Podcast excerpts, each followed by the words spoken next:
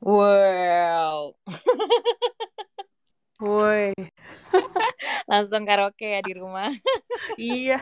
Aduh, lagu kesukaanku nih dari Queen. Gimana teman-teman malam ini uh, jadi ini nggak jadi hype nggak dipasangin lagu Queen? Don't stop me now. Uh, selamat malam investor bahagia. Gimana kabarnya malam ini? Baik, baik. welcome, welcome. Um, semoga semua sama bahagianya uh, kayak saya gitu karena hari ini uh, kalau saya sih bahagianya karena bisa makan yang cukup dan enak. Tadi sempat makan tempe pakai sambal ijo. Terus uh, bahagia karena bisa menghirup udara segar. Terus yang bikin tambah bahagia lagi tadi ngecek Clubhouse dan ternyata room ISB ini tuh udah lebih dari 9,3k loh membernya. Wuh. Terus uh, ditambah lagi podcastnya di Spotify dan Noise kalau di total tuh udah lebih dari 13.000 listener. Wow. Yeah mantap mantap. Mantap. Kalau followers eh, Instagram investor bahagia udah hampir 2000 followers. Luar biasa. Ayo ayo yang belum follow follow semua. Yes yes. Yuk kita follow Instagram eh Instagramnya investor bahagia. Karena banyak video-video lucu tuh. Biasanya kami ngepost di hari Sabtu atau Minggu.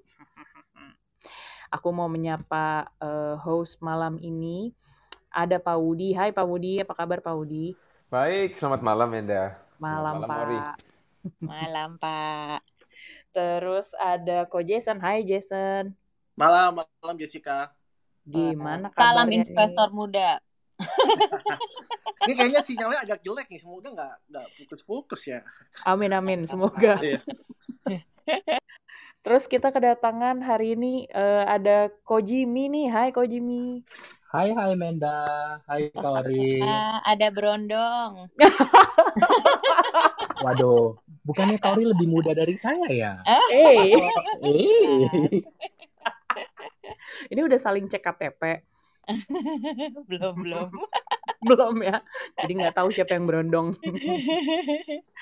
Ko Jimmy per perdana nih ya ikutan jadi host di sini thank you loh Ko Jimmy thank you thank you Kamenda thank you sayang thank you banget hari ini di dikasih kesempatan, kasih kehormatan. Makanya kalau tadi ditanya hari ini bahagia nggak? Wah saya sih bahagia banget. Mantap. Apalagi gitu. kesempatannya buat ini ya interview idola ya. Aduh jadi malu tapi ya bener sih salah satunya karena itu ya ya, ya. Aduh, aduh, aduh. Aku mau sebelum kita mulai nih ngobrol-ngobrol dengan bintang tamu spesial kita malam ini, aku mau jelasin dulu temanya. Jadi um, teman-teman udah lihat kan videonya di um, Instagram kami. Nah hari ini temanya diambil dari film yang dulu uh, aku tuh nonton rerunnya di salah satu TV nasional. Judulnya A League of Their Own yang main ada Tom Hanks, ada Madonna, ada Gina Davis gitu. Nah, filmnya menarik bukan cuma karena aktor-aktornya ini gitu, tapi menarik juga karena e, menceritakan soal tim baseball perempuan di zaman Perang Dunia Kedua. Jadi waktu itu pria-pria Amrik tuh lagi pergi perang gitu. Nah, perempuan ini e, ikut main baseball gitu dan mereka uh, di film ini tuh cukup inilah karakternya cukup kekeh gitu dengan pendirian dan tough gitu sama dengan bintang tamu kita malam ini uh, cukup kekeh gitu mengedukasi so, uh, soal saham sampai detik ini gitu walaupun um, seperti yang kita tahu walau uh, saham tuh pasar saham waktu itu dan investasi lah investasi itu waktu itu lagi bear market lah dari tahun 2014 sampai 2020 awal kita undang dulu ya ke atas Uh, sebentar. Apakah sudah invite? Sudah, sudah ada. Tadi kan kata Ko Jason itu beli di Oktober, jual di bulan Mei. Sebelum hmm. kita beli di Oktober, ngobrol dulu sama Ellen May. Yeay! Lucu banget sih. Keren abis, nyambung. Hai Miss Ellen, welcome. Hai, hai Jessica. Malam, Halo, Miss Ellen. Halo, Miss Ellen. Malam, Malam, Miss Ellen. Selamat malam Miss Ellen. Welcome. Hai. Miss Ellen, makan malam apa barusan? Udah sempat makan kan? Udah dong, makan makan nasi pastinya. Aduh. thank you so deh. much ya. Uh, aku suka banget loh sama sama apa namanya sama channel ini tuh kayaknya beda banget gitu. Jadi nambah value banget gitu buat hidup. Aduh, jadi tersipu malu nih. Aduh, tanpa berlama-lama aku mau ngasih kesempatan pertama deh. Eh, siapa nih yang mau pertama nanya ke Miss Ellen? Saya dulu boleh. Oke, siap. Pak Wudi, monggo-monggo. Ya, soalnya saya, aku. saya besok pergi long trip, jadi eh, saya mau mau ini apa eh, duluan supaya siapa tahu perlu perlu eh, ini istirahat duluan. So eh, gini Ellen, a, a- a few things ya. Eh, Nomor satu eh, tentunya eh, sekali lagi terima kasih. I think eh, big honor buat kita hari ini Ellen bersedia hadir di room kita. Mungkin kalau boleh saya mau flashback sedikit. Saya itu Oke. ingat bahwa pertama kali mendengar soal yang namanya Ellen May itu waktu saya bikin trip ke Jawa Tengah. Waktu itu kita bikin bikin satu report yang judulnya Not Just Jakarta. Jadi intinya ini reportase observasi on the ground soal apa yang terjadi di luar Jakarta.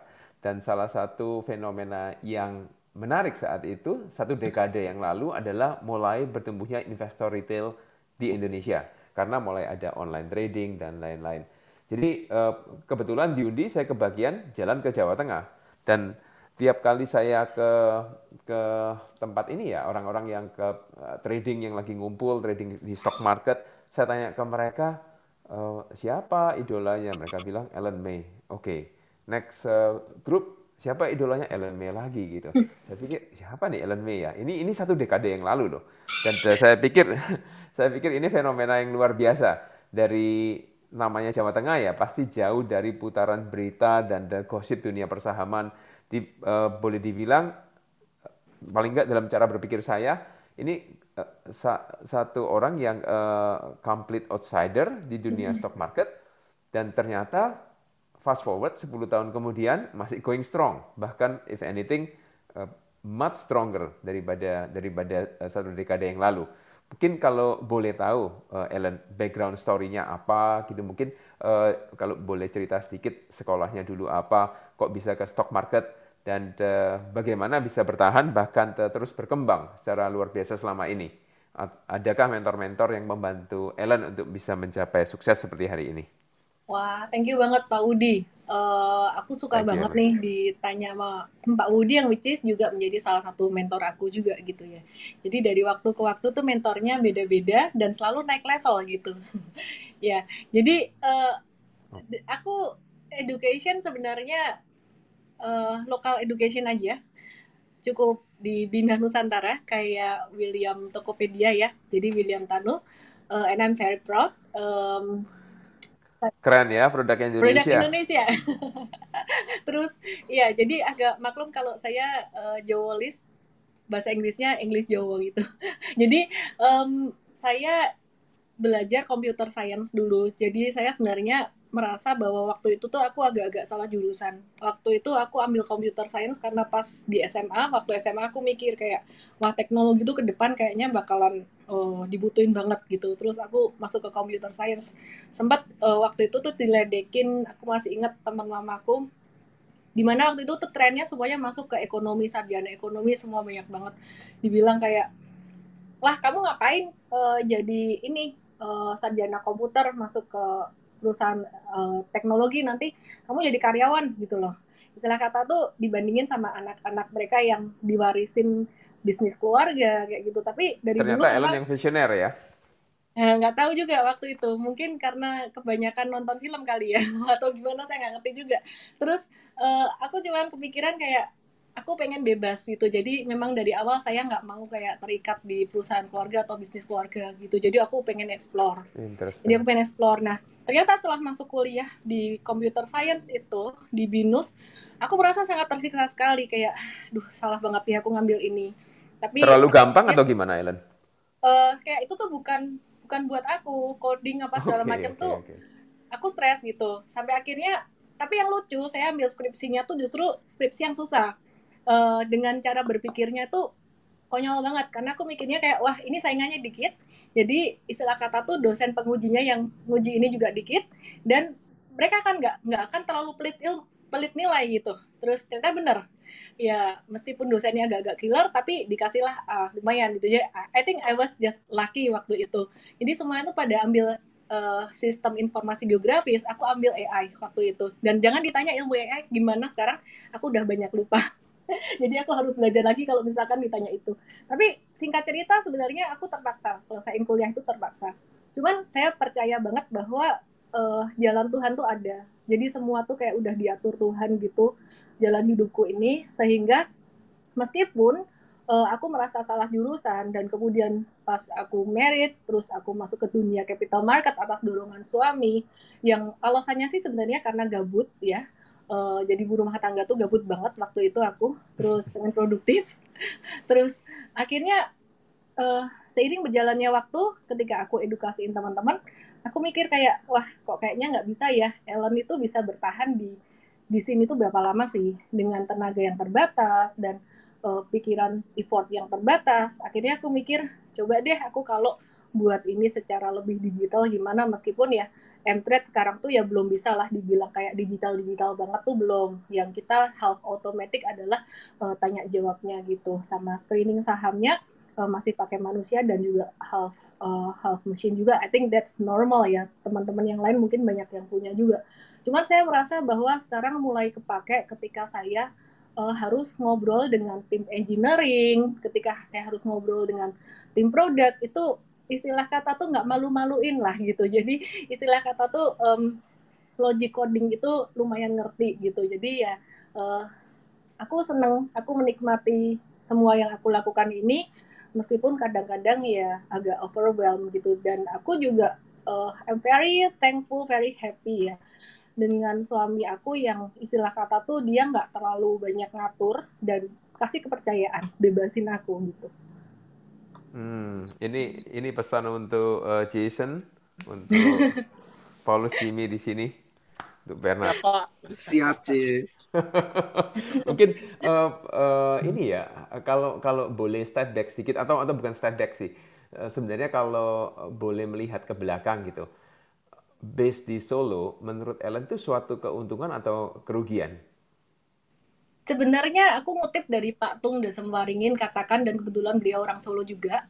Okay. Uh, semua tuh tergantung gimana kita memberi arti sih. Kalau kita tinggal di Solo, dulu aku ngasih artinya tuh negatif kayak wah uh, aku cari talent susah banget, which is talent yang bagus-bagus di Jakarta semua gitu. Jadi itu jadi satu mental block. Tapi ternyata seiring berjalannya waktu ketika dulu aku bangun tim di Jakarta dengan ketidakhadiran seorang leader di sana, uh, tidak ada saya di sana, ternyata tuh beda. Culture-nya tuh kayak nggak bisa gimana ya, nggak bisa strong gitu Terus kemudian aku putusin untuk coba bangun di Solo dan kantornya pun kayak just walking distance from my house gitu. Tapi kebetulan tiga bulan ini kita juga WFH terus gitu. Uh, di sini dengan kehadiran kehadiran aku ternyata tim ini juga beda gitu. Jadi energinya juga mungkin lebih energi lebih juga beda.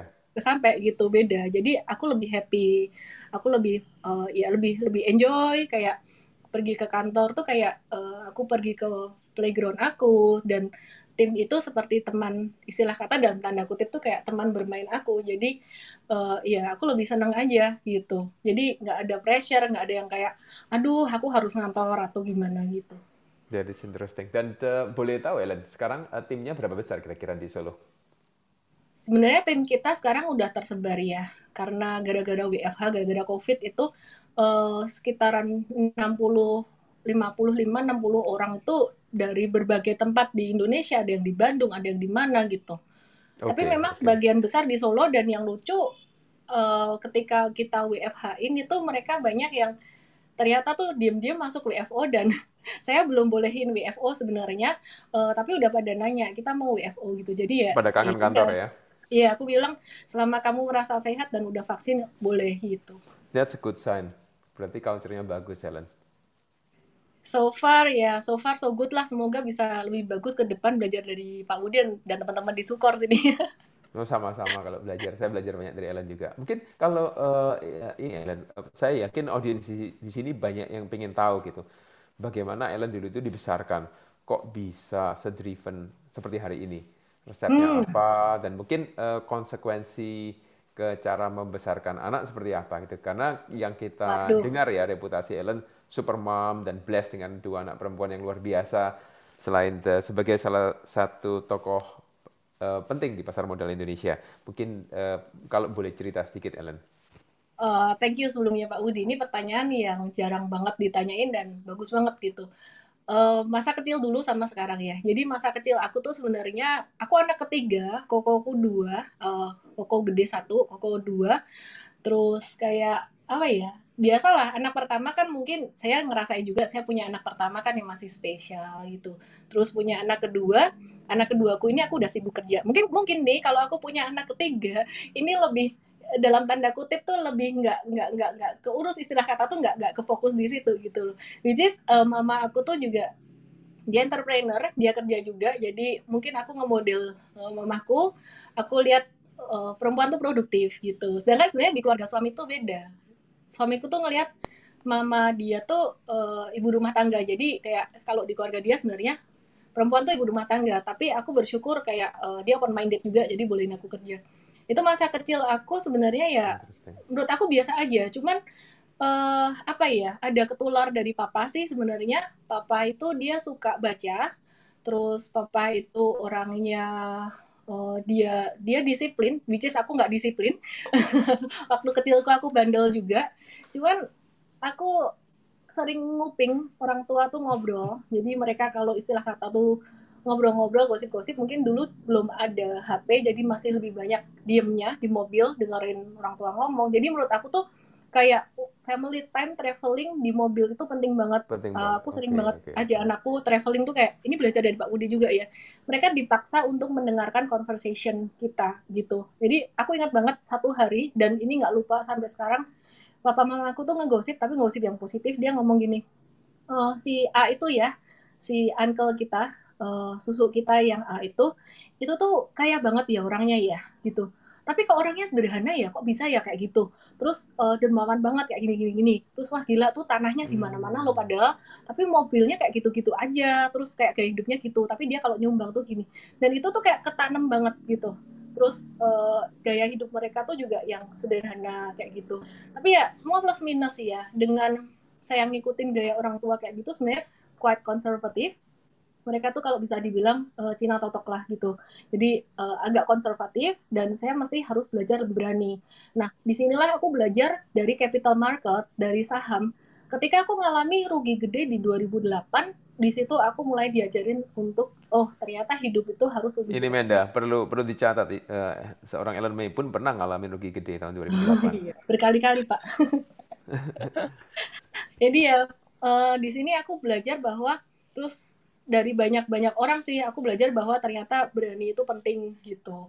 Terus akhirnya ya jadi lebih berani ngambil resiko. Nah, terus kalau sekarang um, kehidupan aku sekarang sebenarnya jadi mama, terus jadi istri, yeah. terus kerjaan itu sebenarnya nggak mudah ya. Karena kalau yang Pak Wudi bilang uh, MPRI driven itu memang kayak apa ya? Benar sih, aku tuh suka apa yang aku lakukan.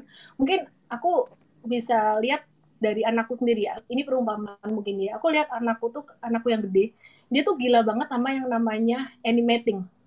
Bisa dari pagi sampai malam yang dia kerjain tuh cuman animating doang dan dia nggak peduli dengan yang lainnya gitu. Jadi aku pernah dalam hidupku satu titik hidupku tuh aku cuman asik dengan kerjaanku doang di capital market. Mungkin yang pas momen-momen Pak Udi bilang itu. Jadi okay. itu benar-benar gila banget. Sampai akhirnya aku berada di satu titik yang Pak Budi juga kayaknya waktu itu uh, udah kenal aku juga. Uh, aku sempat ngobrol juga dengan Bu Lindra waktu itu. Aku tuh kok nggak bahagia ya? Kenapa? Itu mulai di satu titik pencarian arti dalam hidupku aku merasa kayak uh, ada yang kosong nih. Uh, terus aku belajar inilah pentingnya pergaulan sebenarnya. Untungnya tuh aku curhatnya ke orang-orang yang positif kayak Bu Lindra, Pak Tung, uh, Pak Udi dan kawan-kawan yang lain bukan curhat untuk curhat-curhat tapi sebenarnya untuk mencari arti dan solusi. Nah dari situ tuh aku ternyata dapat satu kesimpulan bahwa hidup aku nggak balance dan nggak balance-nya itu dikarenakan sebenarnya bukan karena uh, aku kebanyakan waktu buat kerja tapi aku nggak balance-nya karena aku nggak nggak being present. Jadi istilah kata contoh nih ya, contoh ketika aku lagi sama family sama anak-anak dulu beberapa tahun yang lalu itu kayak pikiranku tuh masih di kerjaan. Tapi begitu aku kerja di luar kota, pikiranku ke family. Jadi itu nggak bener banget. Nah terus akhirnya uh, ternyata butuh harga yang mahal buat bayar itu semua. Jadi mungkin saya pernah cerita sebelumnya ke Pak Udi ke Bulindra juga kayaknya. Nggak tahu ingat atau nggak karena udah lama. Jadi ketika mamaku nggak ada, uh, papaku dulu, terus habis itu setahun lebih mamaku nggak ada juga. Di situ tuh di rumah sakit aku masih pegang laptop. Aku masih pegang laptop. Sampai akhirnya uh, laptop wow. tuh aku bawa di ICU tuh aku pegang laptop. Padahal laptopnya gak tak apa-apain. Itu kayak kebiasaan waktu zaman aku sekolah. Aku tuh ke mana-mana bawa buku cuman buat aku feel secure. Padahal bukunya nggak aku ngapa-ngapain gitu loh. Jadi aku nggak bisa being present dari dari kecil tuh kayak kebawa kebiasaannya. Terus akhirnya pas uh, kalau papaku nggak ada tuh aku udah ready, udah tahu. Kalau mamaku tuh kayak mendadak tuh. Jadi aku nggak ready. Terus kemudian pas uh, di rumah duka ada satu temen temen jauh yang aku ngerasa kayak dia tuh seperti kiriman Tuhan. Namanya Kohalim, Kohalim Chandra. Nggak tahu dia lagi dengerin nggak? Uh, dia tuh temen TFT aku waktu zaman ikut patung. Dia nggak dia nggak nggak uh, kontak Sorry, sama aku. Uh, temen apa Ellen? ikut TFT, Train for Firework Trainer gitu. Jadi waktu itu satu seminar lah, satu seminar dikenal di situ gitu. Oke. Okay. Nah, jadi di sini aku ngambil kesimpulan bahwa di mana kita berada, kita bergaul, pergaulan itu yang akan ngebentuk kita efeknya positif atau negatif di situ. Jadi di masa saya waktu itu rapuh banget, dia datang pas kebetulan di Solo, dia tahu, dia mampir aja. Padahal lama nggak kontak. Jadi kayak aku merasa kayak orang ini dikirim Tuhan buat ketemu aku. Dia cuman datang kayak like 15 minutes or so. Dia tuh cuma ngomong gini, dia dengerin cerita aku, dengerin dia cuma bilang gini, sebenarnya tuh kamu tuh cuma satu sih, uh, yang bakalan bi bisa bikin kamu tuh bahagia tuh cuma satu, apa? Being present. Kalau kamu udah di tempat itu, kamu lagi dengan uh, family atau kamu lagi dengan teman kerja atau dengan siapa, ya fokus ke situ jangan ke mana-mana. Dan itu yang aku ingat-ingat terus dan memang tidak mudah mengubah kebiasaan sampai sekarang uh, bahkan beberapa orang bilang uh, I'm a multitasker which is sebenarnya multitasking itu nggak bagus jadi ketika saya lagi dengerin okay. seminar yang saya boring atau saya terpaksa harus dengerin online apa yang menurut saya nggak menarik buat saya itu aku jadi nggak nggak fokus aku ngerjain hal yang lain which is itu sebenarnya nggak bagus gitu jadi ya uh, being present itu kayaknya jadi salah satu kunci yang aku harus terus latihan gitu. Thank you Ellen dan uh, thank you for apa ya uh, satu cerita yang sangat candid dan uh, sangat apa adanya gitu. Dan mungkin kalau masih dalam uh, spirit uh, ini ya uh, seorang uh, Ellen May yang yang boleh dibilang berjuang melawan odds yang nggak masuk akal gitu karena uh, saya tahu banyak yang mulai dari generasinya Elon May hari ini uh, tahu ke mana gitu nggak nggak nggak bisa bertahan segitu lama di market dan satu hal soal investing dalam observasi saya sering kali wanita itu lebih intuitif daripada pria lebih fleksibel dan satu hal soal uh, ego misalnya sering kali tidak menjadi faktor yang terlalu dominan. Dan uh, saya pikir ini modal penting buat investing gitu. Yang saya ingin tanya ke Ellen, apakah setuju dengan observasi ini? Dan mungkin kalau boleh ada pesan khusus buat uh, wanita yang ingin berkarir di dunia money management atau di dunia investing misalnya. Hmm, sebenarnya ya gimana ya? Bicara soal cowok dan cewek, aku sendiri melihat diriku sebagai perempuan. Bedanya cowok dan cewek itu kan gini ini kita ngomong secara biologis ya. Uh, cowok tuh kan nggak ada yang namanya datang bulan. Cewek tuh kan ada. Jadi secara biologis itu ada yang namanya perubahan hormon. Dan mau nggak mau diakui ketika dekat waktu itu itu kadang-kadang memang secara emosional memang uh, berubah gitu. Tapi itu bukan jadi satu alasan bahwa uh, bagaimana cara pengambilan keputusan kita dalam trading atau investasi itu jadi jadi emosional atau gimana saya rasa sih semuanya kembali ke karakter tiap orang uh, gimana tiap orang handling the stress cowok pun juga sama. Kalau dia lagi nggak bisa handling the stress uh, pengambilan keputusan juga jadi jadi nggak objektif gitu. Jadi terus pertanyaannya adalah gimana dong dengan orang yang emosional? Gimana orang yang labil gitu? Um, ada orang yang dilahirkan dengan emosi yang lebih stabil memang tapi ada yang emosinya lebih labil. Saya rasa nggak ada yang mustahil sih kalau misalkan memang punya niat mau uh, mau belajar. Kata kuncinya sebenarnya uh, ada di niat gitu aja. Jadi ya ada di niat itu aja sih. Terus aku okay. belajar banyak ini uh, apa ya otak manusia yang neokortex kemudian otak mamalia otak reptil.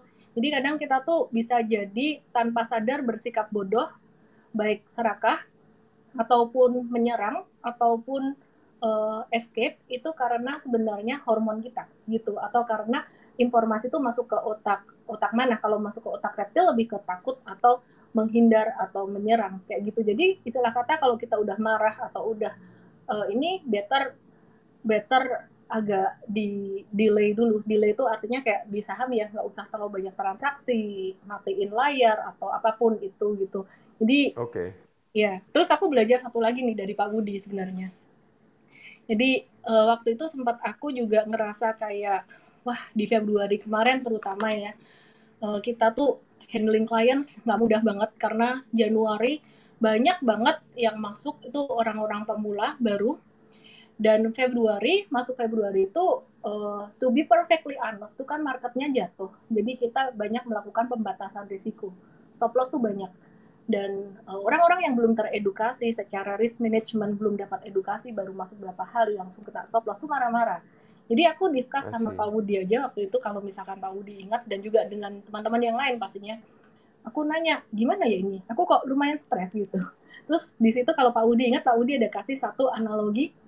Waktu kecil kita tuh sempat mungkin kalau sekolah nilainya merah, nilai uh, 7 dan nilai 10 itu matters. Tapi sekarang kayaknya nggak gitu matters tuh nggak peduli gitu. Jadi mungkin uh, how to handle the stress dan ambil keputusan yang lebih objektif, sepertinya kita harus melihat dari helicopter view atau melihat dari bigger picture. Jadi nggak terlalu fokus pada hal-hal kecil kayak misalkan uh, gain and losses harian kayak gitu. Jadi misalkan hari ini rugi, tapi kalau uh, netnya profit ya sudahlah gitu.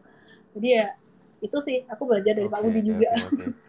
Oke, saya malah uh, oke okay, saya saya bilang gitu ya. Uh, uh, I think uh, iya sih dalam dalam banyak hidup kita kadang-kadang sesuatu yang hari ini kelihatan seperti seperti mountain ya di depan kita sebenarnya dalam jangka panjang itu satu speed bump kecil gitu dan uh, I think uh, important untuk kita bisa lihat dari helikopter view dari sudut pandang yang lebih gede gitu dan uh, hari ini kalau kita ngomong soal soal sudut pandang yang besar ya, mungkin ada perdebatan yang kenceng banget antara value versus growth.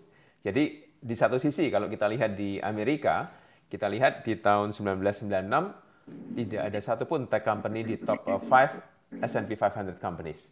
Bandingkan dengan saat ini, dari 10 company terbesar di S&P 500, 8 adalah tech company, 8 dari 10. Artinya, dan 8 ini nomor 1 sampai 8 lagi bukan bukan uh, ada 9 dan 10-nya.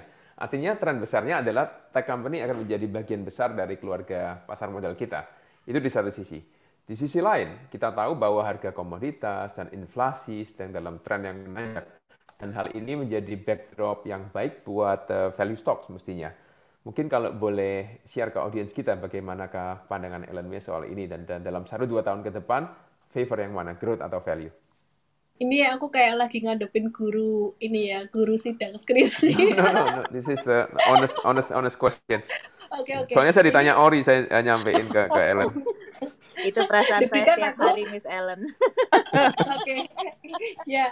Jadi simple aja sih. Mungkin nanti kalau yang ini secara uh, investing mungkin Pak Budi lebih ini ya aku ngelihatnya bahwa uh, it's all about timing segala sesuatu ada waktunya semua strategi bagus asalkan uh, dilakukannya tuh sesuai dengan timingnya gitu. Jadi yang pertama value investing. Uh, mungkin beberapa orang bilang kayak kemarin itu ya waktu Samtek pada naik pada bilang kayak value investing is dead kayak gitu. Menurut aku enggak. Karena apa ya itu lagi timingnya saham tech atau growing stock aja yang lagi naik gitu. Kalau ada waktunya value stocks atau old economy stocks gitu juga mereka pasti akan bakalan naik gitu. Jadi kayak Unilever yang terbuli dan juga uh, saham-saham consumer good yang terbuli saat ini valuasinya sangat murah sekali dan mungkin nanti tahun depan orang-orang akan bakalan nyesel kayak wah gue kenapa nggak beli ini ya gitu. Jadi ya it's disclaimer lagi ya teman-teman ya. Tapi aku mandangnya kayak gitu. Jadi it's like an opportunity juga gitu. Uh, mungkin saham-saham perbankan itu juga opportunity. Terus tapi kalau untuk commodity stocks, aku lebih prefer trading karena aku ngelihatnya kayak di chart jangka panjang tahunan uh, itu kok kayak nggak ada yang consistently naik terus. Kalau BCA kayak gitu-gitu tuh naik terus konsisten gitu.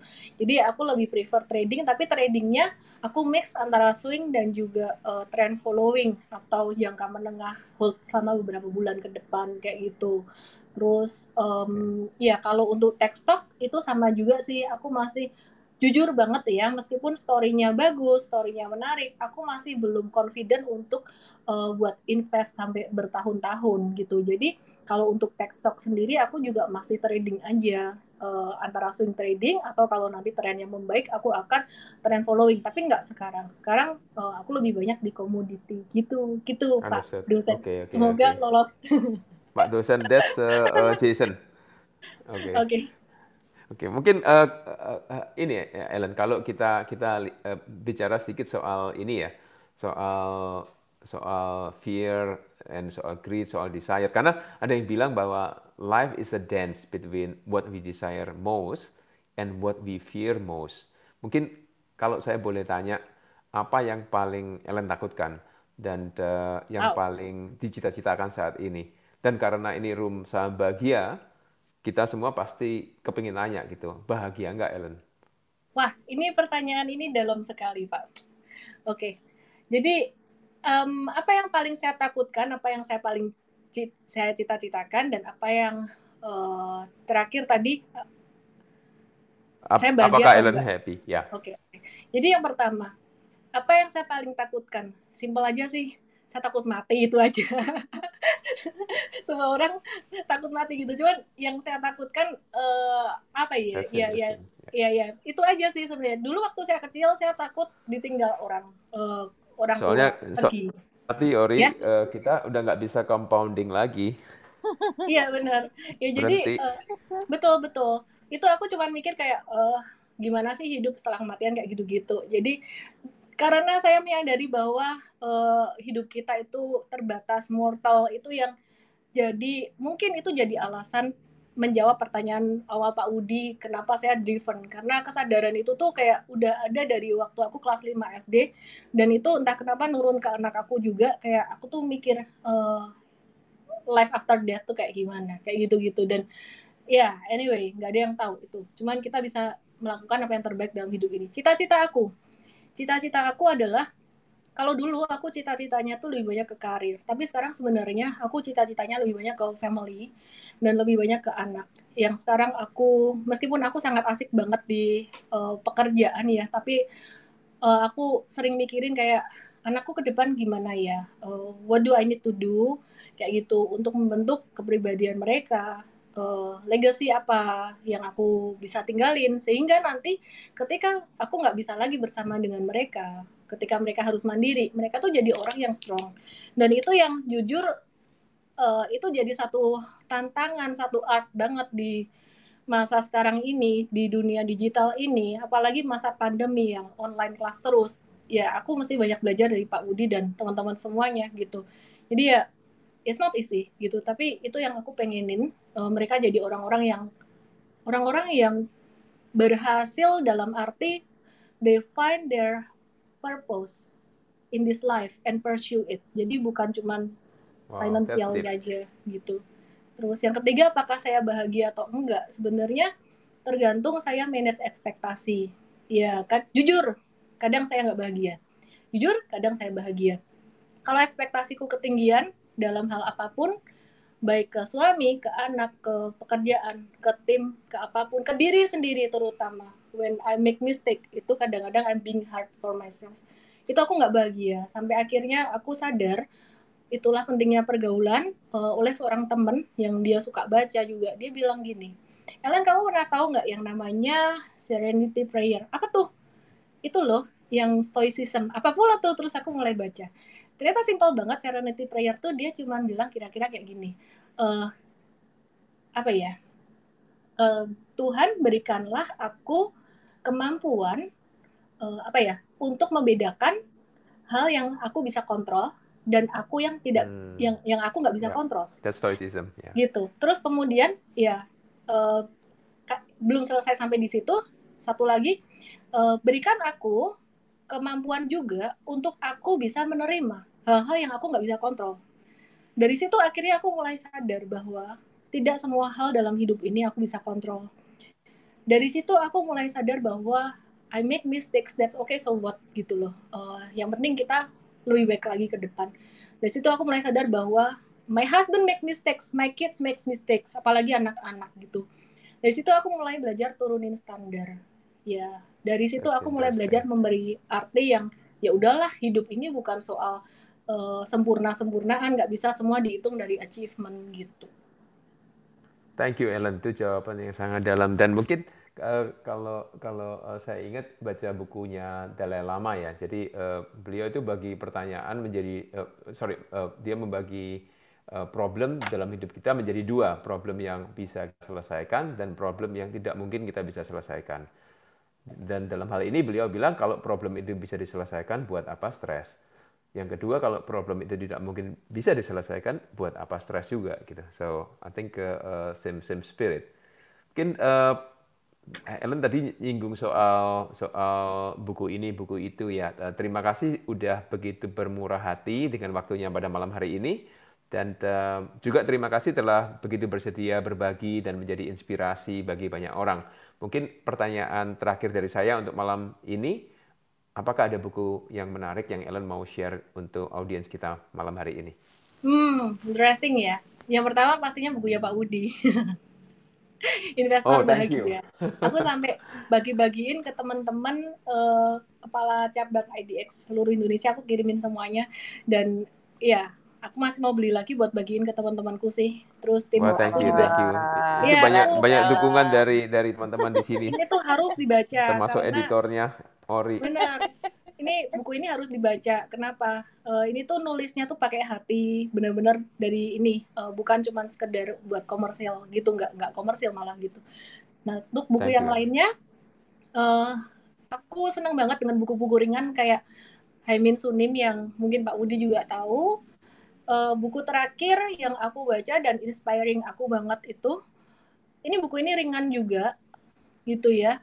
Cuman ngebantu banget buat teman-teman kalau mau bahagia sih the subtle art of not giving a fuck gitu. Ya ya ya ya jadi inti dari buku itu kalau mau saya rangkum jadi beberapa kalimat sih sebenarnya simple aja. Uh, intinya tuh kayak gini bahwa orang hidup tuh pasti ada masalah kalau gak ada masalah namanya kamu udah rest in peace gitu. Cuman That's yang true. pasti uh, kita kalau mau punya a better problem lah gitu. Dengan cara apa?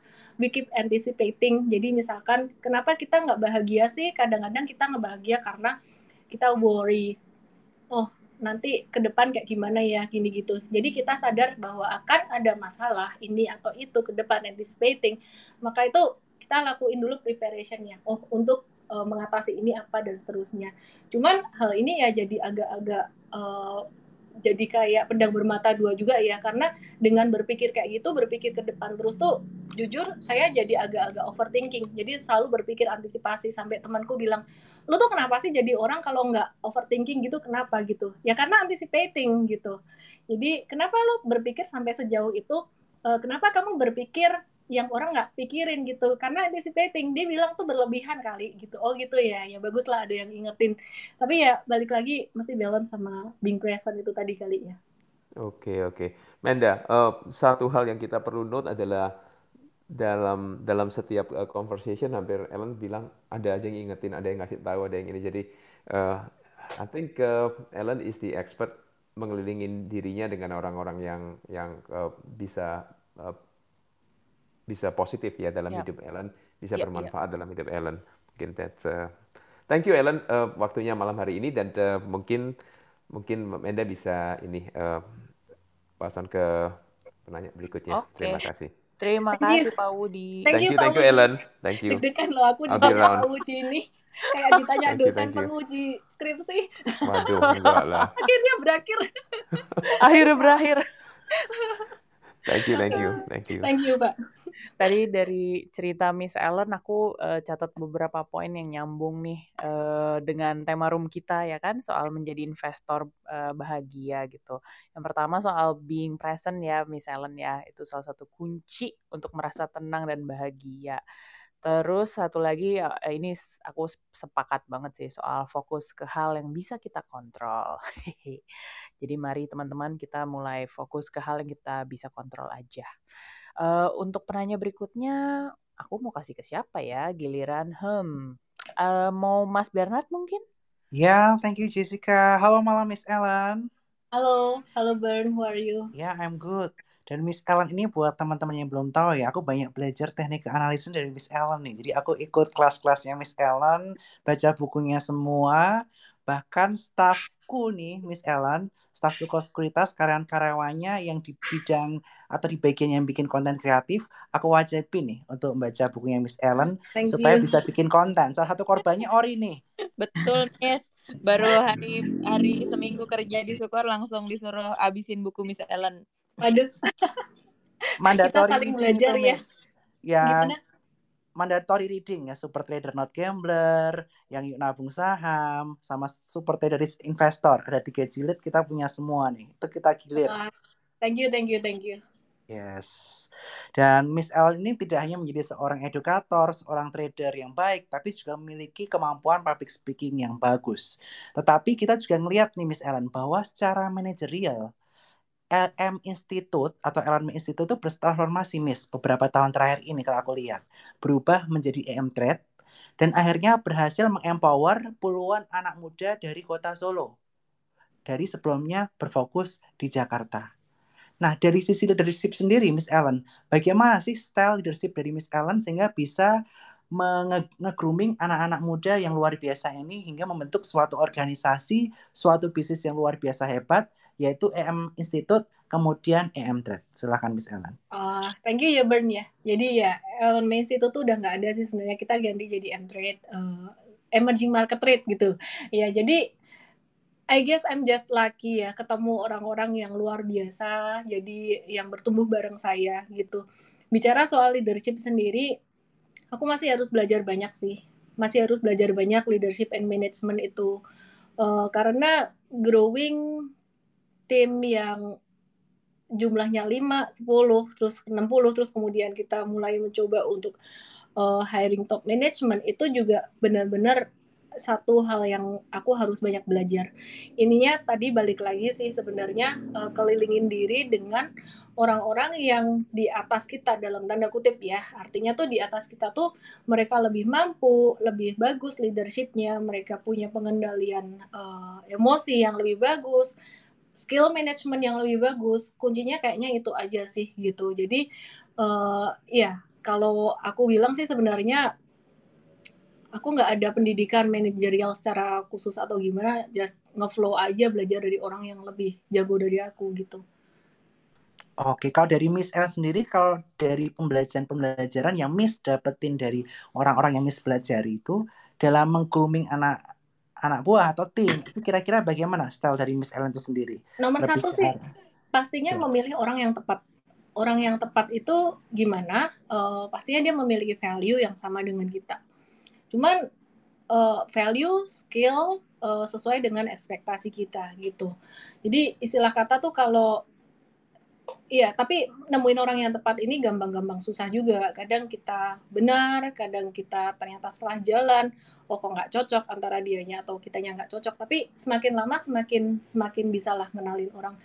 Uh, jadi orang yang tepat tuh satu udah pasti sesuai dengan kebutuhan. Terus kemudian yang kedua adalah uh, komunikasi sih, lebih ke arah komunikasi. Jadi gimana caranya kita menyampaikan ekspektasi gimana caranya kita mendengar, gimana caranya kita mendelegasi, Kalau dulu, zaman dulu banget, waktu tim aku masih di kantor Jakarta itu sekali meeting nge-grooming itu bisa spend time like hours dan hasilnya nggak efektif. Tapi sekarang kayak karena mungkin waktunya udah nggak bisa juga, uh, kayak meeting review-review gitu cuman kayak bisa 15 menit atau 30 menit doang yang ya ada plus minus uh, mungkin nggak terlalu dalam atau gimana. Uh, tapi hasilnya lebih kelihatan gitu. Jadi lebih tahu apa yang mau disampaikan juga gitu. Gimana ya mau ngomongnya susah. Intinya uh, seni berkomunikasi gimana nyampein ekspektasi kita dan juga mendengar apa yang apa yang dikomunikasikan oleh tim kita gitu. Oke jadi yang pertama yang is a yeah. part of learning. Jadi uh, leadership oh, style tuh seiringnya waktu kita terus belajar. Tapi yang paling penting ketika kita membangun tim, yang pertama itu hiring ya tadi Miss ya. Kita harus punya same value, same karakter, dan sesuai ekspektasi kita technical skillnya. Yang kedua, kita harus dan, ada komunikasi terus menerus secara intens supaya ekspektasi antara kita dan apa yang dia deliver itu sama, gitu ya, Miss ya. Betul. Dan sebaliknya uh, mesti sesuai dengan ekspektasi orang itu juga, gitu. Jadi uh, ekspektasi dalam segala hal ya bukan cuma package aja kayak sebenarnya cita-cita lu tuh apa sih? gitu kenapa kamu join kita? kayak gitu gitu. Terus uh, ya jadi dari situ kita tahu orang ini sebenarnya pengennya apa sih gabung dengan kita gitu. Bisa nggak kita fulfill? Kalau kita nggak bisa fulfill itu ya ya kita kita nggak lanjutin gitu. Tapi kalau memang kita bisa fulfill apa yang dia mau eh, sama-sama ekspektasinya match ya oke. Okay. jadi mesti ngedengar juga dia ekspektasinya apa gitu. oke okay, jadi kemampuan communicate and manage the expectation ya? Dan dua kira-kira itu oke oke dan dua arah ya. Yes. Jadi Miss Anna juga seorang pendengar ya leader yang mendengarkan aspirasi dari timnya. Masih belajar. Nah, masih, masih belajar, belajar. ya. Ya sama lah Miss. Kita semua masih belajar nih kalau kita masih hidup pasti belajar. Jadi kan Miss Ellen juga ceritakan kita udah nggak belajar kalau kita meninggal nggak ada masalah. Oh iya benar, benar juga ya kamu ya. oh iya, Miss Ellen. Kan aku sekarang lihat nih EM Institute yang berubah menjadi EM Trade itu transformasinya luar biasa banget karena aku ngikutin nih. Dulu awal mulanya EM Institute kan lebih fokus ke training, terus akhirnya ada funneling ke namanya premium access dan premium access itu dulu di Telegram. Aku ingat banget, Miss. Nah, habis dari Telegram akhirnya berubah nih ke aplikasi. Aplikasi Mtrade yang kece banget. Dan funnelingnya itu dari IG Live IG Live seperti itu. Dan juga event-event yang Miss Ellen lakukan secara rutin tanpa lelah seperti itu. Nah, kalau dari Miss Ellen sendiri nih, bagaimana visi ke depan Miss Ellen terhadap M-Trade maupun EM Institute? Sorry, M-Trade-nya nih sekarang, karena M, M Institute udah berubah jadi M-Trade dan akan dibawa ke mana EMTET ini sendiri. Mengingat persaingan di dunia edukasi, terutama saham, dan juga broker yang makin ketat. Hmm, jadi sebenarnya aku melihat kayak uh, dunia dunia capital market saat ini itu memang sangat bertumbuh sekali ya. Uh, saya rasa bukan cuma M-Trade aja yang growing, tapi seluruh industri ini dan M-Trade kecipratan hoki gitulah kira-kira. Kita juga uh, ngelihat bahwa ada satu sekuritas yang di fintech uh, dia jadi dia jadi unicorn sekarang. And we are very happy gitu we are very happy. Saya sangat senang sekali dengan teman-teman saya dan Sukor ini juga sangat luar biasa sekali gitu. Uh, saya nggak melihat mereka sebagai kompetitor ya bahkan yang memberikan layanan yang sama pun saya memandangnya sebagai oh very good. Kalau ada ini berarti uh, total addressable market kita bertambah. Sekarang semakin banyak influencer semakin bagus gitu. Jadi uh, kita kerjasama aja. Jadi kita lebih ke arah uh, apa ya kalau zaman sekarang tuh banyakin kerjasamanya instead of uh, competitiveness kayak gitu ya ada beberapa orang yang mau ada beberapa orang yang nggak mau karena nganggapnya kayak eh lu tekan kompetitor aku. Apa apaan sih ngajakin kerjasama minta endorse pula apa segala macam misalkan contoh. Tapi ya udah nggak apa-apa. Yang penting kita coba aja. Nah visinya kita apa sih sebenarnya dari Entret tuh? Ini bukan mau jualan ya, tapi karena ditanya gitu loh. Uh, kita pengen menjadi yang practical, very practical and personalized financial advisor gitu. Tujuannya adalah mensimplifikasi pengambilan keputusan. ke pengambilan keputusan dalam investasi. Jadi ke depan memang kita kepengennya tuh mimpinya bisa transaksi ya nanti mungkin kita bisa kerjasama dengan sukor sekuritas gitu. Jadi uh, langsung pencet beli di Mtrade, eh kebeli deh gitu kebelinya di sukor kan seru ya Ben ya. Ya semoga bisa kayak gitu. Jadi kita bisa kasih solusi yang lebih bagus buat uh, buat audience. Jadi mimpinya itu itu buat user. Wow, jadi end-to-end solution ya dari pengambilan keputusan untuk buy or sell-nya secara yeah. analisis atau mungkin ke depannya bisa secara AI ya mungkin Miss ya ya. Iya dan pastinya semuanya kita sangat open sekali dengan kerjasama ya karena nggak nggak semuanya bisa dilakukan sendiri kalau kita mau growing fast and far ya we are doing this together gitu. Yes. Kan apa namanya stronger together ya Bern ya kampanyenya yes. Sukor ya. Tagline Sukor so stronger together. Maka kita senang banget kedatangan Miss Ellen di tempat ini juga untuk menambah insight ke kita semua. Nah, Miss Ellen, pertanyaan selanjutnya. Kaitannya mengenai sosok panutan Miss Ellen.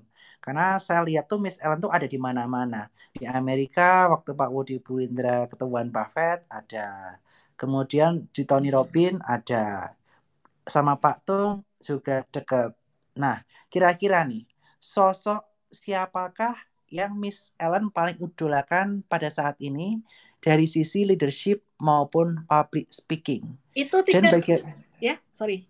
Dan bagaimana sosok tersebut itu mempengaruhi karakter Miss Ellen di publik maupun dalam tim. Itu tiga udah disebut semua tadi jawabannya. ya itu tiga udah disebut semua. Ada Bulindra, ada Pak Udi, ada Pak Tung Desem. Wow. Itu tiga yang oh tambah satu lagi ya Pak Pandu Syahrir aku sangat uh, respect banget sama beliau gitu itu orang-orang yang aku saya dapat kehormatan luar biasa malam ini kan. ya memang uh, Pak Budi luar biasa gitu jadi itu orang-orang yang aku kenal secara personal tapi kalau orang yang aku nggak kenal secara personal sih ya semoga beliau dengar ini uh, aku aku ngefans sama William Topet ya Tanu Wijaya. Karena kenapa? Uh, more or less background kita sama. Kita dari daerah kita bukan eh, US graduated bukan Harvard Stanford atau apa but uh, dia sangat berhasil gitu. Tapi tetap pastinya dia ada kerja tim juga ya bukan sendirian gitu. Jadi di sini aku belajar banyak kayak oh dia bisa gitu loh. Jadi nggak ada excuse nih nanti si itu Stanford graduated itu Harvard graduated aku jadi excuse ah enggak aku nggak punya education kayak mereka. Enggak tapi kita bisa temenan atau kerjasama sama orang-orang yang uh, yang punya itu kayak gitu. Jadi ya ya itu orang-orang yang inspiring aku. Oke. Nah orang-orang ini secara spesifik ada nggak impact ke Miss Ellen dari sisi misalnya leadership dari sisi semangat juang drive ataupun dari sisi public speaking orang-orang ini. Dan impactnya bagaimana? Ke Miss Ellen menjadi Miss Ellen yang seperti saat ini. Sebenarnya kalau bicara public speaking itu uh, bicara gimana kita mem mematahkan belief kita akan ketakutan public speaking sih ya. Kayak uh, takut dalam hal lain itu sama gitu. Kayak takut trading takut beli saham itu sama. It's just about repetition gitu. Dan itu itu patung itu patung sangat sangat uh, bantu aku banget karena memang dulu aku ikut training dia pertama kali untuk itu kan uh, tapi kemudian untuk berikutnya kayak sama Bu Lindra tuh aku belajar tentang Bu Lindra kan perempuan ya. Jadi aku kayak mencari sosok perempuan yang dia berhasil secara karir tapi berhasil secara keluarga. Jadi Bu Lindra tuh kayak ngajarin aku gimana jadi cewek yang uh, bisa bagus di keluarga dan di pekerjaan. Gimana di depan suami tuh bisa memposisikan diri sebagai istri dan ibu meskipun ya kadang-kadang uh, apa ya ke kebawa cara pas aku kerja tuh kebawa di rumah nah itu diajarin sama Bu Lindra kayak gimana caranya. Itu itu sangat menarik banget gitu. Kemudian sangat ngebantu banget uh, terus kemudian Pak Wudi aku belajar banyak dari Pak Wudi tuh tentang life sebenarnya. Jadi uh, wisdom ya jadi bagaimana beliau dari waktu kecilnya dulu sempat jadi apa ya jual tinta sales kartu kredit sampai sekarang jadi orang yang berhasil dan sangat rendah hati itu aku sangat respect banget parenting juga beliau sering sharing. Jadi bukan cuma leadership atau membentuk aku untuk driven aja. Justru malah sebenarnya ya Bern ya, aku nih orangnya terlalu driven yang harus direm. Oh, gitu. Okay, okay. Gitu. Terus kalau patung, patung tuh di awal-awal, di awal-awal membentuk aku tuh menjadi ya luar biasa driven banget. Tapi belakangan ketika curhat ngobrol sama beliau belajar ya beliau ngerem lebih banyak ke ngeremnya dan uh, akhir-akhir itu lebih banyak belajar tentang life family and parenting gitu gitu karena sebenarnya uh, ini buat aku ya personally ya berhasil dalam karir itu menurut aku jauh lebih mudah daripada berhasil dalam menjadi parent atau dalam berkeluarga gitu loh. Kenapa? Itu mungkin subjektif. Karena buat aku tuh kalau berhasil dalam karir itu yang aku kontrol kan diriku sendiri. Oh enggak kan kontrol tim, kan kontrol ini. Ya kan semuanya kan bekerja berdasarkan sistem gitu loh. In my control istilahnya. Tapi kalau family uh, dengan suami dengan anak-anak kita nggak bisa main kontrol gitu aja. Kayak sama anak mau ngomong, uh, aku mau kamu bangun pagi, aku mau kamu uh, rajin lakuin ini atau itu tuh kayak udah nggak masuk lagi kayak ayo kamu begini begini. Meskipun kadang-kadang aku lakuin itu. Kayak harus ada pendekatan itu jadi bikin aku belajar banyak sih dan itu lebih aku lebih banyak belajar harus lebih banyak belajar dari orang-orang hebat ini gitu. Oke jadi intinya kita harus mendekatkan diri dengan orang-orang yang hebat juga ya Miss Ellen ya karena lima orang Banget. terdekat kamu itu menentukan karakter kamu dan siapa kamu ke depannya dan dari orang-orang terdekat kita tuh kita bisa belajar banyak hal dan tentu saja bisa mendapatkan value-value yang bisa kita terapkan untuk menjadi pribadi yang lebih baik gitu. Nah, aku juga banyak dekat kan Miss ya sama timnya Miss Ellen dari zaman dahulu waktu masih EM Institute maupun sekarang di EM Dread nih. Aku kenal hmm. beberapa lah seperti Nita dan lain sebagainya. Dan saya sering ngobrol sama tim-tim Miss Ellen tersebut.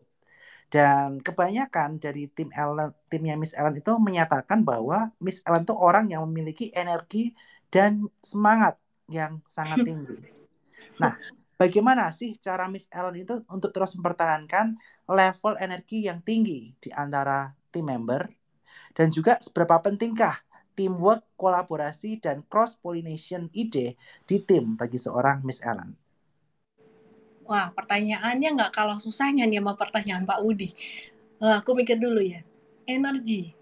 Energi itu udah ada dari diri sendiri. Energi, kalau aku bilang, uh, energi adalah emosi. Energi adalah emosi, emosi adalah energy in motion kenapa aku bisa driven, kenapa bisa ada energi? Mungkin karena ya balik tadi kesadaran bahwa hidup kita itu terbatas waktunya. We are mortal. Kita tuh orang yang terbatas waktunya. Jadi uh, kita dikasih waktu hari ini kita nggak tahu loh besok tuh gimana. Jadi uh, just doing our best lah gitu. Just doing our best dan kita compare dengan diri kita di masa lalu. Jadi our competitor tuh sebenarnya diri kita sendiri di masa lalu Nah, mengenai tim saya, mereka yang bisa berenergi, mereka uh, perform well, saya rasa sih itu memang udah bawaan mereka ya, udah orangnya kayak gitu. Bukan saya yang menjadikan mereka kayak gitu. Jadi kayak misalkan tadi Bernard bilang kenal si A, si B, si C. Ya itu tadi balik lagi ke pemilihan tim di awal. Dan uh, ya, jadi saya berusaha untuk gimana ya uh, milih tim nggak bisa langsung benar. Kadang-kadang kalau misalkan salah satu dari kita nggak cocok ya kayak orang pacaran kayak orang nikah aja lah gitu. Uh, pacaran lah jangan nikah. Jadi misalkan dia nggak cocok kerja di kita aku atau aku nggak cocok kerja kerja sama dia atau dia nggak cocok kerja sama aku tuh aku let go. Jadi sebisa mungkin sebisa mungkin jangan nggak nahan orang. Jadi kalau nahan orang dia udah nggak mau kerja di kita ya nggak happy kan. Intinya sih gimana caranya uh, buat suasana kerja itu enak meskipun aku juga nggak sempurna kita nggak sempurna. Tapi balik lagi energi itu kembali ke orangnya sih. Saya rasa memang mereka sudah terlahir begitu nggak ngerti juga. Dan mereka bisa menerima apa yang saya lakukan. Jadi mungkin benar ketemunya yang pas yang yang yang energetik gitu. Ada juga mereka yang uh, keluar kok resign nggak nggak nggak bisa uh, satu apa ya satu frekuensi dengan saya kayak gitu. Jadi ya I let go karena aku kasihan juga kalau misalkan nggak bisa satu ini gitu. Jadi sama aja lah di setiap organisasi gitu. Mungkin kita lihat-lihatan kita lihat orang lain kayaknya di tempat itu organisasi itu lebih bagus tapi sebenarnya di belakang layar ya uh, banyak juga hal-hal yang kita perlu perbaiki Agree, agree, agree. Jadi kadang apa yang tampak di depan itu belum sesuai dengan yang di belakang ya. Yang penting ya nggak nggak se nggak seindah itu. Nggak seindah itu, yes. Yang penting bagaimana memanage tim itu yang paling penting ya, Miss ya, dan meng membentuk tim itu dari awal. Bagaimana kita adjust expectation dan lain sebagainya. Dan saya mau belajar dari Miss Ellen mengenai hiring nih. Kalau punya kandidat, Miss Ellen, Mm-mm. yang Miss Ellen tuh pilih yang kemampuannya baik tapi bukan team player, atau yang kemampuannya biasa aja tapi team player. Dan misalnya dia memiliki kemampuan sangat baik tetapi bukan team player, apakah Miss Ellen bisa mentoleransi hal ini? Tidak bisa, sangat tidak bisa. Jadi pernah ada yang eh, lamar waktu itu, pinter banget, jago banget, apa pun yang saya mau dari dia ada, tapi setelah kita akses lagi, dia punya attitude, dia arogan dan ngerasa pinter sendiri, ya nggak bisa, kita nggak bisa terima ataupun kalau dia udah di organisasi itu malah jadi rusak gitu. Jadi teman-temannya pasti jadi nggak happy gitu. Jadi kita let go kayak gitu. Jadi tim player tuh satu hal yang paling penting. Dua eh, kemampu kemauan untuk belajar. Sebenarnya lebih ke kemauan untuk belajar. Nah masalah skill kita sesuaikan dong dengan eh, kerjaan dia sih. Actually kalau memang kerjaan dia nggak dibutuhkan yang sampai super gimana banget ya. Uh, pastinya kita oke okay dengan skill yang yang segitu sesuai kebutuhan. Tapi kalau kita maunya kayak yang level manajerial, skill manajerial dan leadership harus super oke, okay, mungkin teknikalnya nggak gitu. Ini juga nggak apa-apa gitu. Tapi tim player nomor satu banget sih. Kalau misalkan nggak bisa kerja dengan tim, waduh itu yang kita nggak bisa tolerir. Wow, wow, wow. Oke, Messi tim player number one ya supaya menjaga solidaritas tim ya dan juga kompakan tim untuk mencapai goal kita secara organisasi atau korporasi. Oke, thank you Miss Ellen buat jawaban-jawaban yang luar biasa. Dan selanjutnya saya kembalikan ke Jessica, silahkan. Thank you Mas Ben. Wow, um, aku kayaknya langsung aja nih mau kasih um, kesempatan berikutnya langsung ke Ko Jason. Silakan Ko Jason. Oke, malam Miss Ellen. Thank you banget. Halo Jason. thank you banget buat kesempatannya dikasih nanya ke Miss Ellen. Jadi mungkin bagi yang belum tahu ya kalau Pak Bernard itu sekolah technical pertamanya dari Miss Ellen. Saya juga pertama kali baca buku saham Indonesia tuh dari Miss Ellen. Itu Ini ketahuan umurku nih, Jess.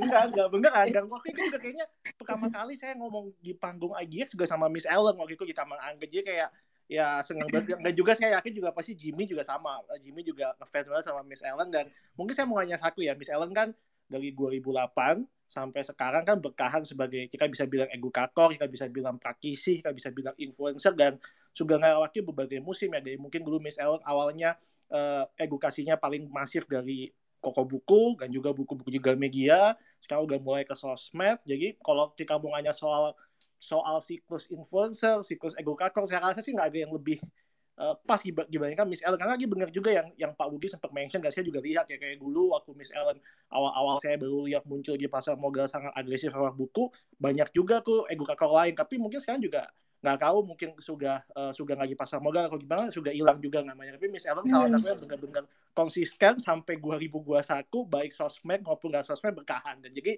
mungkin saya mau nanya kali kan Miss Ellen sempat mention bahwa Miss Ellen nggak pernah melihat uh, dengan banyaknya kompetitor itu adalah musuh tapi Miss Ellen malah senang karena sama-sama bisa menggarap pasar modal yang begini besar. Nah mungkin pertanyaan saya kan sekarang banyak banget nih uh, misalnya hmm. terutama di masa covid semua jadi influencer saham, semua jadi influencer keuangan, bahkan ada yang dikategorikan sebagai pom-pomers, ada yang dibilang sebagai edukator hmm. dan dan Pak Pandu Syahrir pun waktu itu juga pernah interview terkait masalah ini dan Dikanya juga waktu itu kayaknya yang nanya Gigi Kobusher dia bilang bagaimana fenomena pom-pom saham dan Pak Pandu bilang gini bahwa uh, pom-pom saham itu pertama belum ada regulasinya ya kan? Susah juga dibatasi ya kan? Tapi yang dia bilang influencer itu adalah hal yang nggak bisa dikolak ya. Maksudnya akan banyak orang tiba-tiba jadi influencer saham dan akan ngebahas saham dan agak susah uh, dibikin regulasinya. Nah menurut misalnya gimana nih? Apa bedanya edukator dan juga uh, pom-pomers yang apakah hal kayak gini bisa diregulasi atau udah biarin aja deh kayak di Amerika juga banyak kok yang tanda kutip mungkin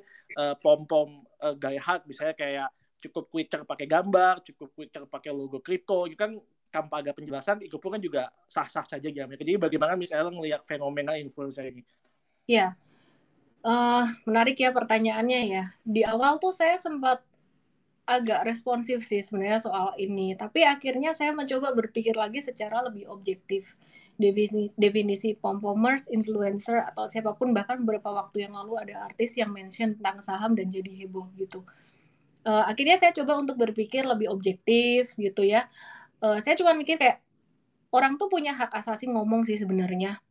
Jadi siapa pun mau ngomong uh, tentang apa pun boleh. Jadi dia mau ngomong tentang saham, mau ada alasannya, mau nggak ada alasannya, boleh. Dan siapa pun mau ngefollow siapa, itu boleh gitu loh. Tapi kembali lagi sebenarnya keputusan investasi itu di tangan sendiri.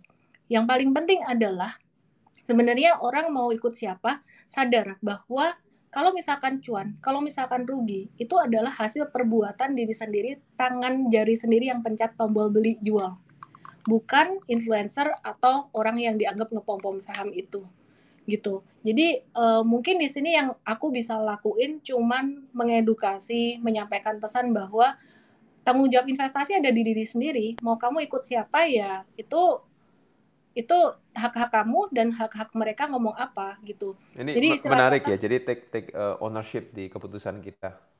Benar. Yang masalah yang jadi masalah kan sekarang kan mungkin saya nggak tahu ya regulator uh, mereka pandangannya gimana gitu. Tapi sangat nggak fair kalau misalkan kita ngomong, hey you, kamu kok ngepom-pom saham sih? kamu kok ngomonginnya saham gorengan? Sekarang kita coba definisiin saham gorengan itu apa? Apakah di IDX itu ada yang namanya tebang pilih atau pilih kasih? Saham A ini gorengan loh, dia tuh nggak boleh loh dimention sama influencer. Gimana jika saham ini yang dibilang gorengan? Ternyata memang dia mulai turn around, ternyata perusahaan ini mulai memperbaiki diri, ternyata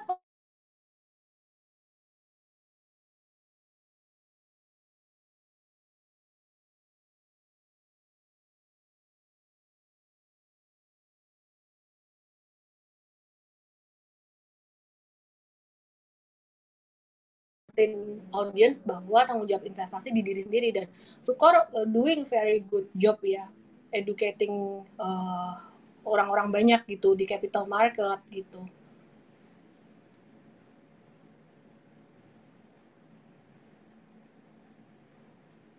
Oke, okay, Miss, sorry barusan saya sinyalnya sempat uh, terputus mungkin kayak dua menit, tapi tadi saya udah uh, gambaran besar. Mungkin saya ada follow up question nih uh, ke ke sama Miss Ellen. Tadi kan Miss Ellen sudah jelasin bahwa agak susah juga mengkategorikan saham gorengan atau bukan dan kita harus punya cake ownership tapi bagaimana Miss Ellen menghadapi ya kan kan kita kan nggak bisa tahu nih eh, kapan orang itu join ke aplikasi Mtrade bisa aja hmm. joinnya pas di level tertingginya IHSG dan besok hmm. dia beli mengikuti rekomendasi Mtrade padahal bukan salah Mtrade-nya tapi ya memang kebetulan aja timingnya masuk lagi di posisi tertinggi dan mereka yeah. beli dan besok langsung rugi gitu atau mungkin besok es krimnya sahamnya langsung auto reject bawah semua karena memang market crash gitu kan kita nggak ada yang tahu kan nah bagaimana hmm. Miss Ellen tuh bisa mengedukasi mereka dan mungkin bisa menerima. Karena biasanya kan mereka langsung bilang wah ini pom pom nih. Karena habis masuk langsung ARB padahal bukan karena salah hmm. Miss Ellen ya saya yakin karena memang marketnya gitu hmm. gitu kan. Nah tapi bagaimana cara Miss Ellen menghadapi ini dan dengan konteks berpuluh belasan tahun? Bagi yang misalnya 2008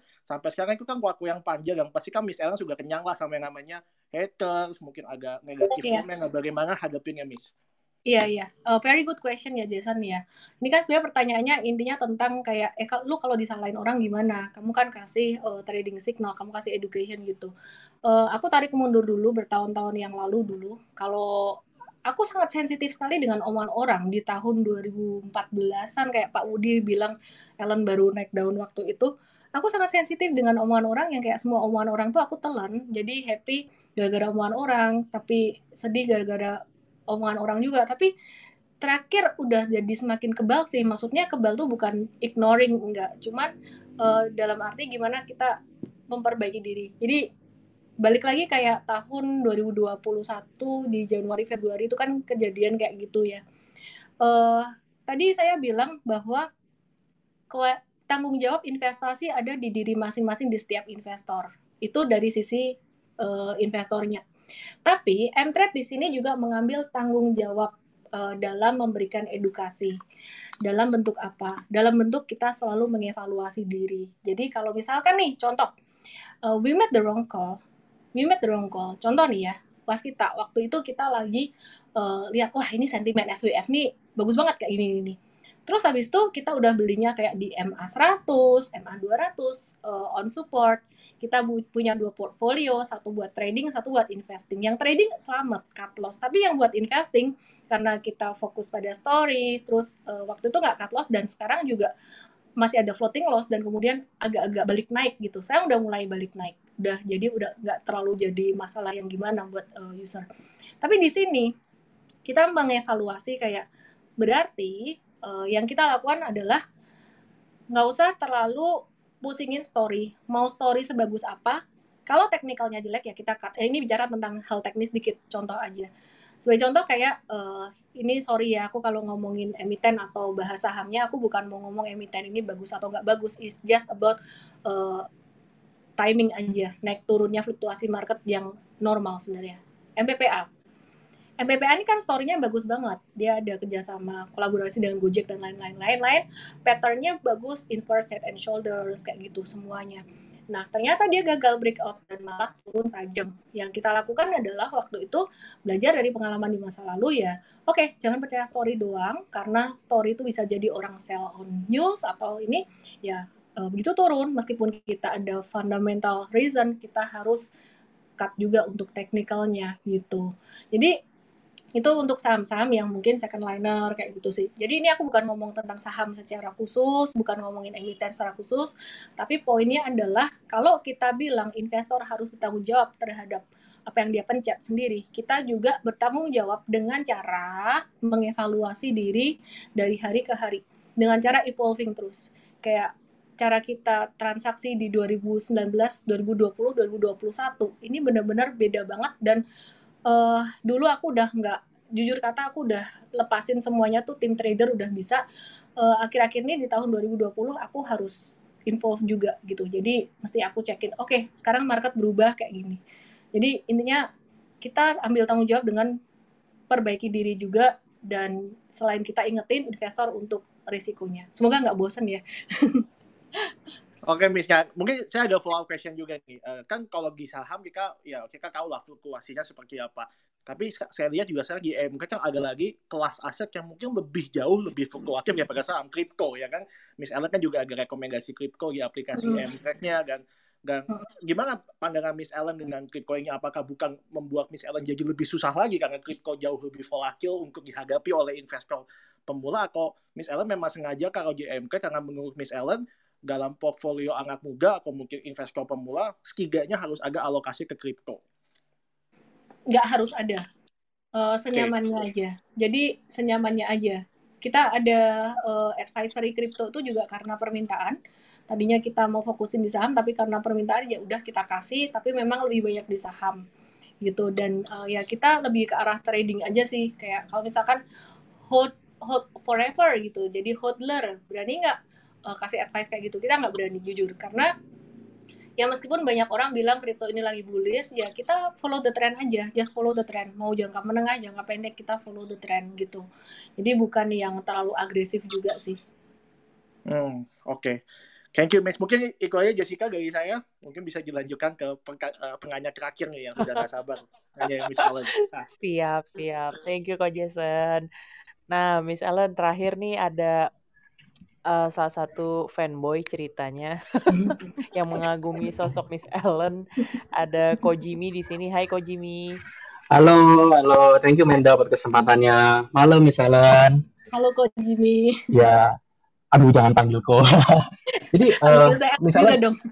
Oh gitu. Jadi uh, sebelumnya nih saya mau say thank you dulu kali ya buat buat Ellen karena kalau ditanya tadi kan sempat ditanya tuh kalau Ellen mentornya siapa sampai tema Pak Udi ya gitu. Kalau hmm. saya ada yang nanya saya mentor saya siapa, jawaban saya pak pasti nomor satu itu Ellen May. Wish, gitu. thank you, thank you. Jadi saya ini termasuk yang dari tahun lalu udah setia nih mendengarkan Ellen May. Dulu kalau Instagram Live jam 7, sekarang jadi jam 8. Terus setiap Sabtu pagi ada webinar itu saya selalu hadir sih. Jadi saya mau say thank you dulu kali sebelumnya ya, gitu. Sama-sama. Semoga nggak bosen ya. Oh enggak, misalnya justru saya masuk ke berani memutuskan untuk masuk ke market salah satunya karena Miss Ellen gitu. Jadi inspirasi sebetulnya. Waduh, waduh, waduh. Bukan bukan semoga nggak bosen, semoga nggak gemeteran Jimmy. Oh, iya. Jadi uh, mungkin pertanyaan saya uh, simpel aja kali ya misalnya ya kan udah malam hmm. juga gitu. Hmm. Sebenarnya sih misalnya yang saya paling paling saya kagumi dari Miss Ellen dan M itu adalah konsistensi gitu. Jadi setiap malam nih ya, saya, kan saya mikirnya udah udah seharian capek liatin market yang hmm. fluktuasinya lumayan gitu harus mengurus keluarga lagi karena misalnya punya dua putri tercinta gitu. Kemudian masih harus urus tim M-Trade yang tahun lalu perkembangannya kan luar biasa gitu. Mm-hmm. Tapi saya perhatiin setiap malam jam 7 itu selalu jam 7 tank itu selalu hadir di itu uh, live Instagram ya gitu. Dan itu begitu begitu kita buka itu ngelihat ini mukanya tuh udah berseri-seri penuh dengan positif energi gitu. Spiritnya itu kayak bisa menular ke kita gitu loh. Itu yang saya suka banget sebetulnya pertanyaan saya simpel sih misalnya kok bisa sih kok ada setiap hari itu penuh dengan positif energi kayak gitu? Kok bisa sih? Apa nggak bosen apa nggak capek gitu? Ini mau jawaban jujur atau mau jawaban idealis nih? Nah, kalau di sini harus jujur misalnya. Oke, okay, oke. Okay. Jawaban jujur, aku capek. Aku capek. Jawaban jujur kadang aku bosen. Kadang aku jenuh. Tapi ada waktunya naik turun semuanya itu lama lama-lama jadi habit kayak kalau kita nggak mandi jadi rasanya aneh gitu. Ya jadi ketika market naik kita happy dong kayak yang nonton banyak uh, yang nonton happy cuan itu uh, kita happy juga saya happy tim juga happy gitu. Tapi ketika market turun, yang lain sedih, orang-orang sedih, bahkan ada yang ngoceh-ngoceh kayak gitu, terus atau apa, itu jujur itu nyedot energi juga. Cuman kembali lagi ya uh, apa yang aku alami di capital market selama ini baik dari tradingan personal maupun dari interaksi dengan tim maupun dengan uh, retail investor ketemu langsung ataupun ketemu online ya semua itu tinggal diambil artinya aja sih gimana kita memberi makna kalau kata Pak Tung Desem ya. Akhirnya aku kasih makna bahwa ya ini proses belajar uh, gimana kita memperbaiki diri dan ya pelan-pelan aku bisa bisa mulai ini lagi mulai enjoy lagi gitu. Um, bicara tentang konsistensi ya udah jadi habit aja. Mungkin karena aku seneng ini aku masih harus lebih konsisten belajar masak daripada daripada IG live mungkin belajar, belajar masak oke. Okay. ya anyway anyway ya anyway aku nggak merasa IG live ini satu kewajiban gitu. Tapi kalau aku harus bangun pagi dan aku harus masak aku tuh nggak ngerasa aku tuh kewajiban gitu. Istilah itu itu analoginya kayak gitu gitu. Jadi aku seneng kayak ketemu audiens itu memberikan aku satu satu energi. Kalau otomatis kalau mereka happy. Tapi kalau mereka lagi sedih atau gimana tuh uh, it's like my my job it's it's like my my job to to help them udah gitu aja. Dan satu hal yang aku sadari bahwa kita nggak bisa balik lagi. Ada beberapa hal yang kita nggak bisa kontrol. Kayak market kita lihat chart itu udah bagus-bagus beberapa bulan yang lalu. Eh false breakout false breakout kayak gitu. Jadi audience user member mereka kadang-kadang bukan cuman butuh cuan mereka butuh ditemanin, mereka butuh tempat curhat. Kayak gitu aja sih. Jadi aku jadi tempat curhatnya mereka ya I'm happy doing this. Gitu. Ah, oke. Okay. Oke, okay. mungkin satu follow up question ya misalnya. Kalau boleh cerita dikit nih, menurut Miss Ellen ya dari setahun lebih rajin IG Live itu yang paling berkesan itu yang mana sih misalnya? Ada nggak momen-momen tertentu yang itu membekas banget gitu? Mungkin oh. kalau saya nih, dari saya dulu ya, kalau saya sih yang paling membekas adalah live IG-nya Miss Ellen sama Pak Udi tahun lalu. gitu. Aku baru mau ngomong itu. Nggak boleh, harus yang lain. aku baru mau ngomong itu. Uh, Instagram live aku sama Pak Udi yang pertama itu ngebahasnya very profound dan itu jadi sal ini jujur ya, bukan karena di room ini aku ngomong gini. Ini tuh jadi satu yang paling epic. Karena apa? Karena biasanya aku kan ngomongin tentang saham-saham melulu sebenarnya audiens itu mereka jiwanya kering, mereka kesepian, mereka mereka bosan atau apa, mereka stres, bukan cuma karena saham. Begitu dengar tentang uh, value of life yang Pak Wudi waktu itu ceritain, itu kayak jadi satu siraman rohani C, satu siraman yang menyegarkan buat buat mereka dan itu jadi satu yang epic banget sih sebenarnya. Hmm, oke. Okay. Thank you, thank you, Jimmy. Uh, too, too generous, but thank you. Oke. Okay uh, mungkin satu lagi nih misalnya terakhir dari saya gitu. Jadi uh, kalau saya baca nih di buku yang misalnya yang Smart Trader Not Gambler yang buku hitam itu ya kan ada dibahas tuh tentang psikologi trading gitu. Mm -hmm. Di situ misalnya ada nulis tentang terobosan melalui visualisasi mm. gitu. Di situ kan misalnya ngajarin kita kalau trading itu kita harus ah, trading atau investing kita harus setiap hari itu mempunyai visualisasi yang kuat akan apa yang kita inginkan lah ya gitu. Mm. Nah misalnya saya ini penasaran sebetulnya misalnya sampai sekarang masih nggak sih ngelakuin visualisasi ini gitu. Terus kalau hmm. memang masih iya, boleh nggak sih di-share gitu. Jadi visualisasi seorang Ellen May itu kayak gimana sih? Oh, oke okay, oke. Okay.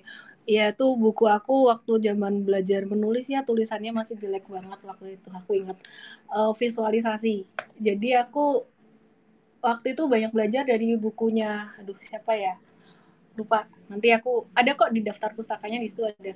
Ya intinya sih sebenarnya uh, ternyata otak kita itu alam bawah sadar kita tuh nggak bisa bedain mana yang reality, mana yang nggak reality kalau kita bayangin dan bayanginnya tuh benar-benar dalam kondisi yang rileks banget istilah kata tuh sampai gelombang otak kita tuh apa ya uh, aku lupa gelombang otaknya apa. Gelombang otak yang ketika kita mau tidur gitu.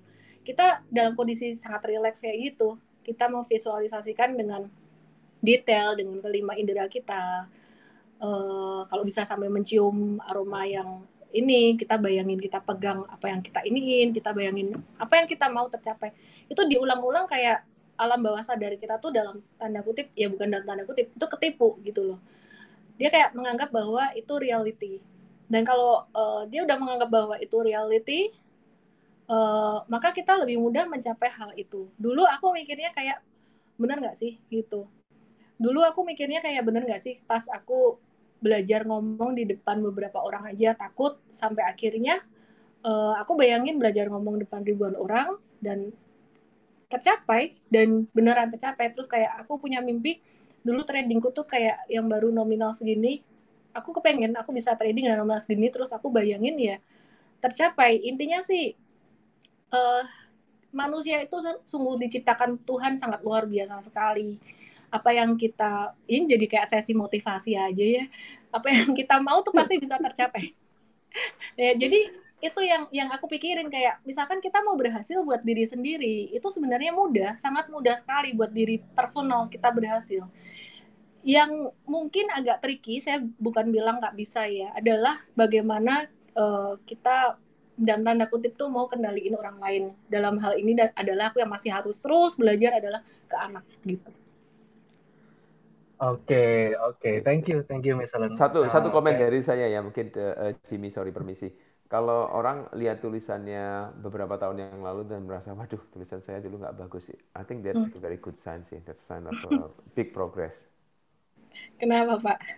Karena berarti benchmarknya udah naik. Iyalah benchmarknya sekarang Woody Warsono tulisannya. No, no, no, no. Wah, nice, nice, nice. Thank you, thank you. Oke, Kak Menda. Weh, siap, siap. Thank you, Ko Jimmy. Oke, gimana teman-teman investor bahagia udah makin ini nggak makin bahagia nggak dengar cerita sisi lainnya dari seorang Miss Ellen? Um, biar tambah makin stres kali ngomong apa ini Enggak dari tadi. nah, biar tambah bahagia, aku ada pengumuman nih sebelum closing. Jadi untuk minggu depan kami uh, untuk kesekian kalinya beruntung banget bisa dapat bintang tamu yang uh, cukup langka gitu. Siapakah beliau? Jadi beliau ini adalah salah satu senior di market, jarang tampil di publik. Uh, Pak Erwan Teguh, yeah. Kapan lagi kita dengerin seorang Pak Erwan Teguh? Uh, jadi pastikan kamu udah follow Instagram kami, Investor Bahagia dan jadi member di klub ini supaya bisa dapat reminder ya soal acara minggu depan Selasa 19 Oktober jam 8 malam. Betul, betul. Aku mau secara personal mau mengucapkan terima kasih banyak untuk Miss Ellen yang sudah menyempatkan waktu mampir ke sini berbagi cerita inspiratifnya banyak banget yang aku catat tadi. uh, terima kasih ya Miss. Lalu selamat istirahat dan ngumpul dengan anak-anak gitu. Thank you juga para host dan investor bahagia yang menemaniku malam ini. Uh, selamat beristirahat ya guys. Thank you, terima kasih. Terima kasih. Terima kasih Ellen. Terima kasih. Bye. Thank you. Jimmy Ori. Jason terima kasih. Thank you, thank you. Thank you, thank you. Bye. Thank you.